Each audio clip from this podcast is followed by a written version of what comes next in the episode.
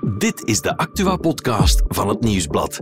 In samenwerking met Play Nostalgie en GVA. Het is dinsdag 7 november en Bart Somers kiest voor Mechelen. Duizenden vrouwen klagen cosmetica-bedrijven aan omdat een haarmiddel mogelijk kankerverwekkend is. En in de VS is een toilet ontvreemd. Maar dat is voor straks. In deze Insider hebben we het over moorden in België. Hoeveel moorden worden er elk jaar in ons land gepleegd? En vooral, gaat dat cijfer nu omhoog of daalt het aantal moorden net? Mijn naam is Serafin Smits. Welkom bij de Insider.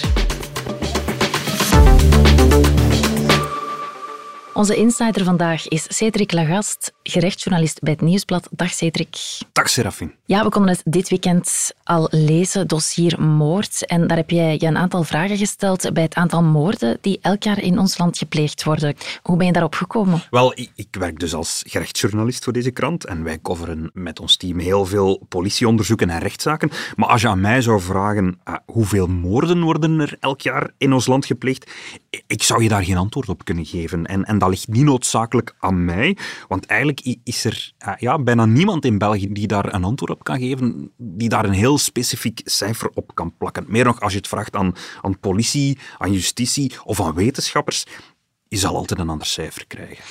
En welke factoren zouden een invloed kunnen hebben op dat aantal moorden? Wel, uh, eigenlijk heel concreet zijn daar eigenlijk weinig factoren die daar een invloed op hebben. Ik, ik, ik ga ook heel vaak naar persconferenties van de federale politie waar zo'n cijfers worden uitgelegd en daar zeggen ze eigenlijk, ja, dat is eigenlijk een, een stabiel cijfer.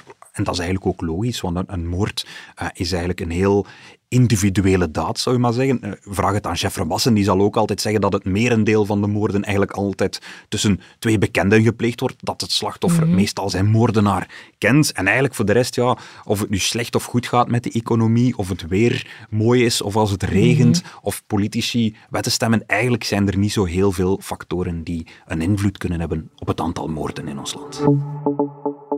In het voorbije gerechtelijke jaar, september vorig jaar tot nu, werden in het resort Brussel maar liefst 45 nieuwe dossiers geopend, waarvan redelijkerwijs verwacht mag worden dat zij voor het Hof van Assisen al hier zullen worden gebracht. Dat zijn drie à vier moorden of doodslagen per maand. Ja, we horen hier de Brusselse procureur-generaal Johan Delmult zeggen dat er in Brussel dus 45 dossiers geopend zijn op een jaar tijd die voor assise moeten komen. En dat gaat dan om moorden, neem ik aan. Ja. En dat aantal, dat lijkt mij veel. Ja, absoluut. Hè. Voor alle duidelijkheid, hij heeft dat in het begin van september gezegd, bij de mm-hmm. opening van het gerechtelijk jaar. heeft een beetje de alarmklok uh, geluid. En drie à vier moorden per maand, dat is veel. Je moet mm-hmm. weten dat er bijvoorbeeld in het vorige gerechtelijke jaar um, acht assiseprocessen gevoerd zijn. Er stonden er nog 15 te wachten uh, om voor de rechter gebracht te worden. Als er dan plots 45 nieuwe moorden bijkomen, ja. ja. dat is veel. En je zou je kunnen vragen, is er iets veranderd? Is er nu toch plots een stijging? Mm-hmm. Dat gaat dan over Brussel, maar als je dan daar ziet dat er zo'n grote stijging is, dan neem ik aan dat je ook eens gaat kijken naar de cijfers in de rest van ons land. Ja. En zie je daar hetzelfde? Het eerste wat ik gedaan heb, is gaan kijken in de statistieken van politie en justitie. Die vind je met een beetje zoeken gewoon op het internet. Mm-hmm. en, en, zo vind je op de website van het college van procureurs-generaal de statistieken over alle zaken die op een jaar tijd binnenkomen bij alle parketten van het land, bij justitie zeg maar. En ons interesseert dan vooral rubriek 14. Mm-hmm. Dat gaat over uh, moord en doodslag. En daaruit blijkt dat er vorig jaar 1529 dossiers ja. geopend zijn wegens levensdelicten. En dat is enorm veel. Ja, absoluut. Dat was ook mijn reactie. En ook toen ik de, de allereerste keer dat cijfer op een vergadering hier op de redactie liet vallen, dat was iedereen met verstomming mm-hmm. geslagen. Uh, nu, je kan op die website ook terugkeren in de tijd, tot 2006. En, en dan zie je dat dat cijfer uh, eigenlijk in het verleden veel lager lag. Mm-hmm. In, in, in 2006 bijvoorbeeld was er bij de parketten een, een instroom van een, een goede duizend dossiers. En als je dan um, die cijfers tussen 2006 en 2002 op een grafiekje zet, dan zie je eigenlijk een opgaande stijgende mm-hmm. lijn van die 1000 tot ongeveer 1500. Ja, je zou kunnen zeggen, er zijn er de helft bijgekomen. Um, en als je naar de cijfers van de federale politie kijkt, dan zie je eigenlijk een beetje hetzelfde. Dus als we naar die cijfers kijken, dan kan je daaruit afleiden dat er veel meer moorden in ons land gepleegd worden dan vroeger. Ja, daar lijkt het toch op. Maar je moet natuurlijk in het achterhoofd houden dat dat eigenlijk niet kan. Dat moorden eigenlijk altijd vrij stabiel moeten blijven. En het ja. is eigenlijk ook een beetje... Um, in tegenstelling met wat criminologen wereldwijd vaststellen. Als we cijfers van voor België uh, naast cijfers van andere West-Europese landen leggen, dat die wat dezelfde tendensen volgen. Ja. En dat wil zeggen, uh, voor West-Europa is eigenlijk de crime drop vooral heel sterk geweest op het vlak van eigendomsdelicten. Dus alles wat met diefstal te maken heeft, inbraken, voertuigdiefstallen, zijn allemaal zeer sterk gedaald. Levensdelicten zijn ook sterk gedaald.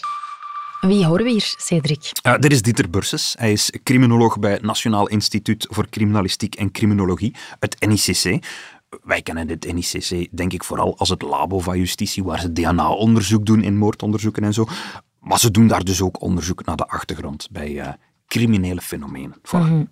En je zei daarnet al, de politiecijfers die stijgen, maar eigenlijk is dat dus in strijd met wat criminologen wereldwijd zien. Ja, inderdaad, want die wetenschappers die zien dat het aantal misdaden, ook de levensdelicten, eigenlijk wereldwijd al sinds het einde van de 19e eeuw eigenlijk naar beneden gaan. Een continue geleidelijke daling vertonen. Het, aantal moorden neemt af. Dat is geen ononderbroken lijn. Af en toe zijn er nog pieken. Maar eigenlijk over het algemeen, als je het grote plaatje bekijkt, dan gaat het aantal moorden naar beneden. Voor heel West-Europa is ongeveer gelijk. Zitten wij, zeker sinds de 19e eeuw, maar ook van daarvoor waarschijnlijk, met een continue eigenlijk daling van het aantal levensdelicten. Dus dat gaat geleidelijk aan achteruit vanaf de jaren 90 tot 2018, wat wij gemeten hebben, zie je terug een sterke achteruitgang. We komen van ongeveer 20 doden per 1 miljoen inwoners door geweld naar uh, ja, 2017 en 2018 zaten we al net onder de 10. Dus dat is een halvering. Dus sinds de jaren 90 is het aantal moorden in ons land eigenlijk gehalveerd. Hoe komt dat? Ja, en dat is het vreemde wetenschappers weten dat eigenlijk niet. Mhm. Ergens zijn we iets goed aan het doen, zegt Persis, maar eigenlijk weet niemand van de wetenschap waarom dat, dat zo is. Er zijn verschillende theorieën daar rond. Je hebt bijvoorbeeld de beschavingstheorie, mhm. die zegt van, kijk, we worden een, een, een betere beschaving, we worden daarin allemaal een beetje afhankelijk van elkaar. Iedereen is altijd wel werkgever of werknemer of klant van elkaar. We komen elkaar altijd tegen en dat is eigenlijk een beetje een rem om elkaar... Uh, ja, iets aan te doen. Iets aan te doen, voilà. Ehm, er zijn nog hypotheses, de vrije tijdshypothese. Ehm, veel moorden gebeurden bijvoorbeeld in het uitgaansleven. En we gaan nu eenmaal minder op café. Dat zou ook een, een, een mhm. invloed kunnen zijn. En een, een Bursen zelf die, die wijst heel graag op, op, op de rol van de scholen.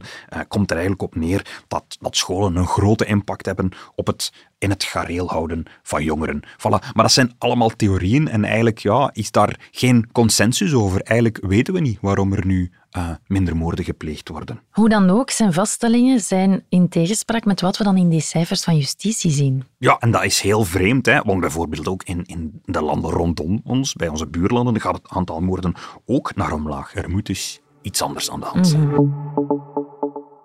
Er moet dus iets aan de hand zijn, maar wat dan? En ik heb er heel lang vragen over moeten stellen aan justitie. Maar uiteindelijk heb ik geleerd dat die uh, eh, 1529 dossiers, dat hoge aantal waar we mee begonnen zijn, mhm. ja, dat dat eigenlijk een getal is dat veel dingen omvat. Dat niet louter om moorden gaat. Het gaat niet louter om moorden. Het is een huis met vele kamers, heb ik in, in het stuk geschreven. Het mhm. gaat in eerste plaats uiteraard om moord en doodslag. Het verschil, dat kennen we. Moord, als je een plan beraamt om iemand te doden, als het met voorbedachte raden gebeurt, dan spreken we over moord.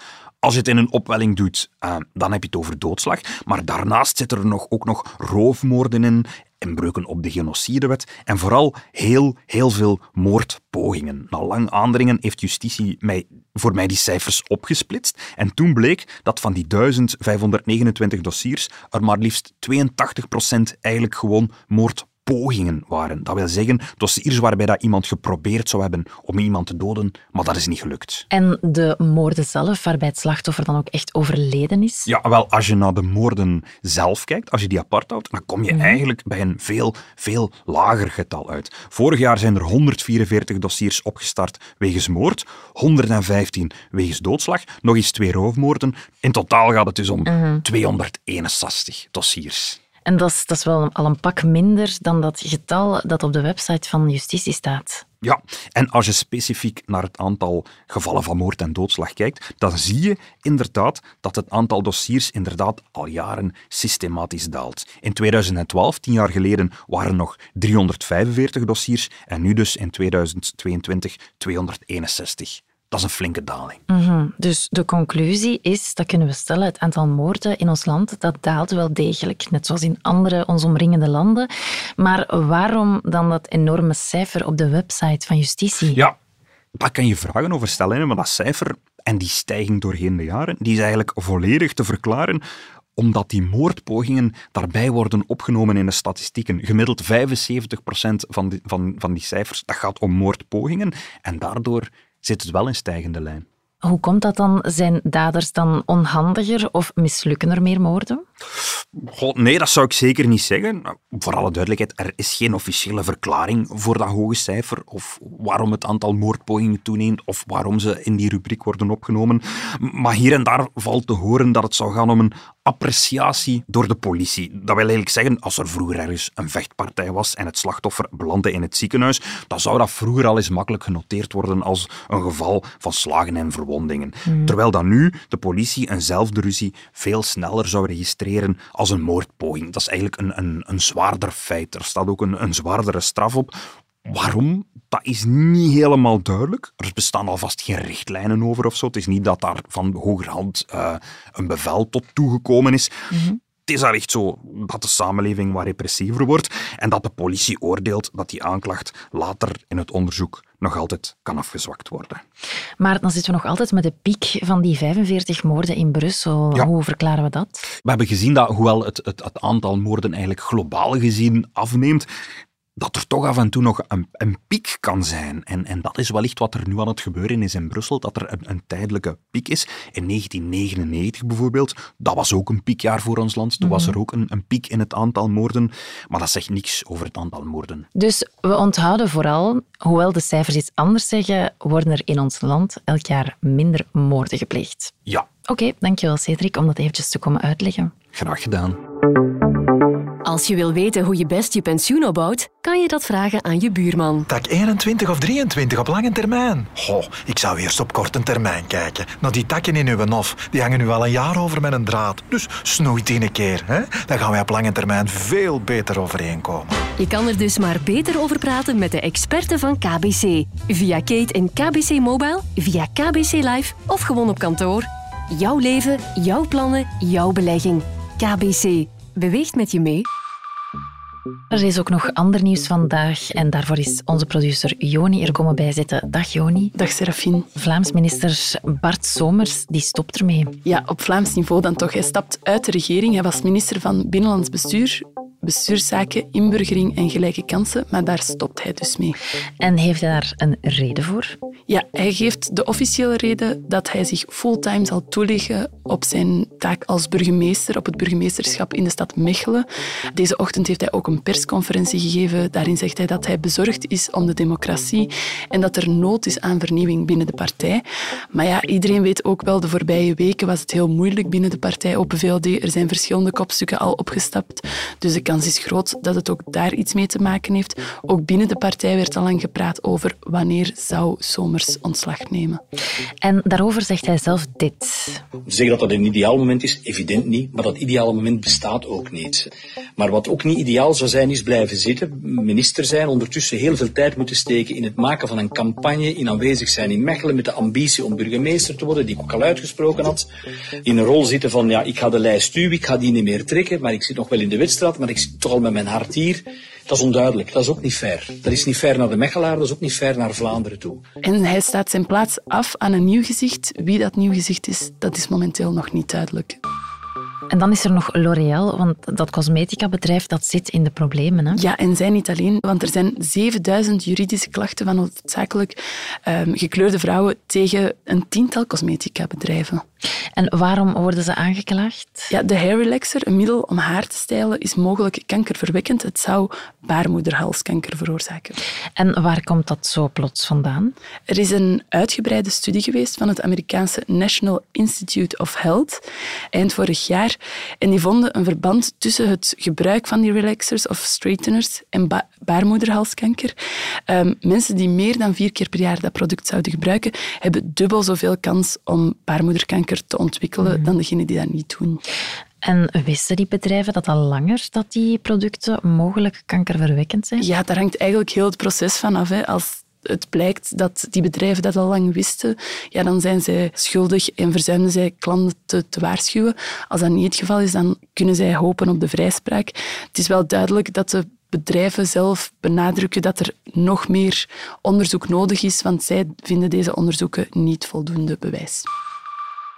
En dan nog een raar verhaal in de VS, want daar werd een toilet ontvreemd. Wie steelt er in godsnaam een toilet? Ja, blijkbaar vier dertigers. Het is wel een heel bijzonder toilet. Het is een massief goud toilet van 18 karaats goud en het is 5,5 miljoen euro waard. En waarom was dat zo duur? Het werd gemaakt door de Italiaanse kunstenaar Maurizio Catalan als maatschappijkritiek op buitensporige rijkdom en de groeiende kloof tussen arm en rijk in de VS. Want hij zegt van wat je ook eet, of het nu een lunch is die 200 dollar heeft gekost of een hotdog van 2 dollar, het resultaat is altijd hetzelfde en het belandt altijd in het toilet. Dus het is een soort van satirische installatie.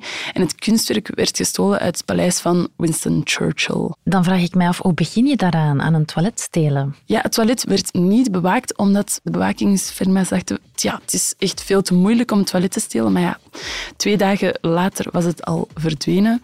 Um, grappig weet je, er zijn zo drie toiletten en een van die drie exemplaren werd tentoongesteld in een hokje van het Guggenheim Museum.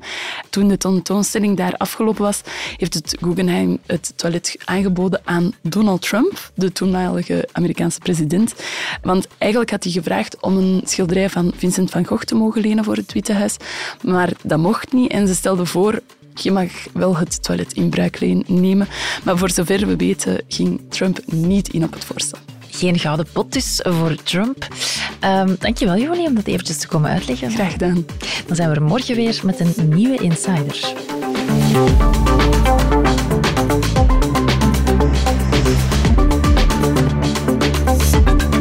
Dit was The Insider, een podcast van het Nieuwsblad in samenwerking met Play Nostalgie en GVA. De muziek is van Pieter Santens. De montage gebeurde door House of Media. Wil je reageren? Mail naar podcast.nieuwsblad.be.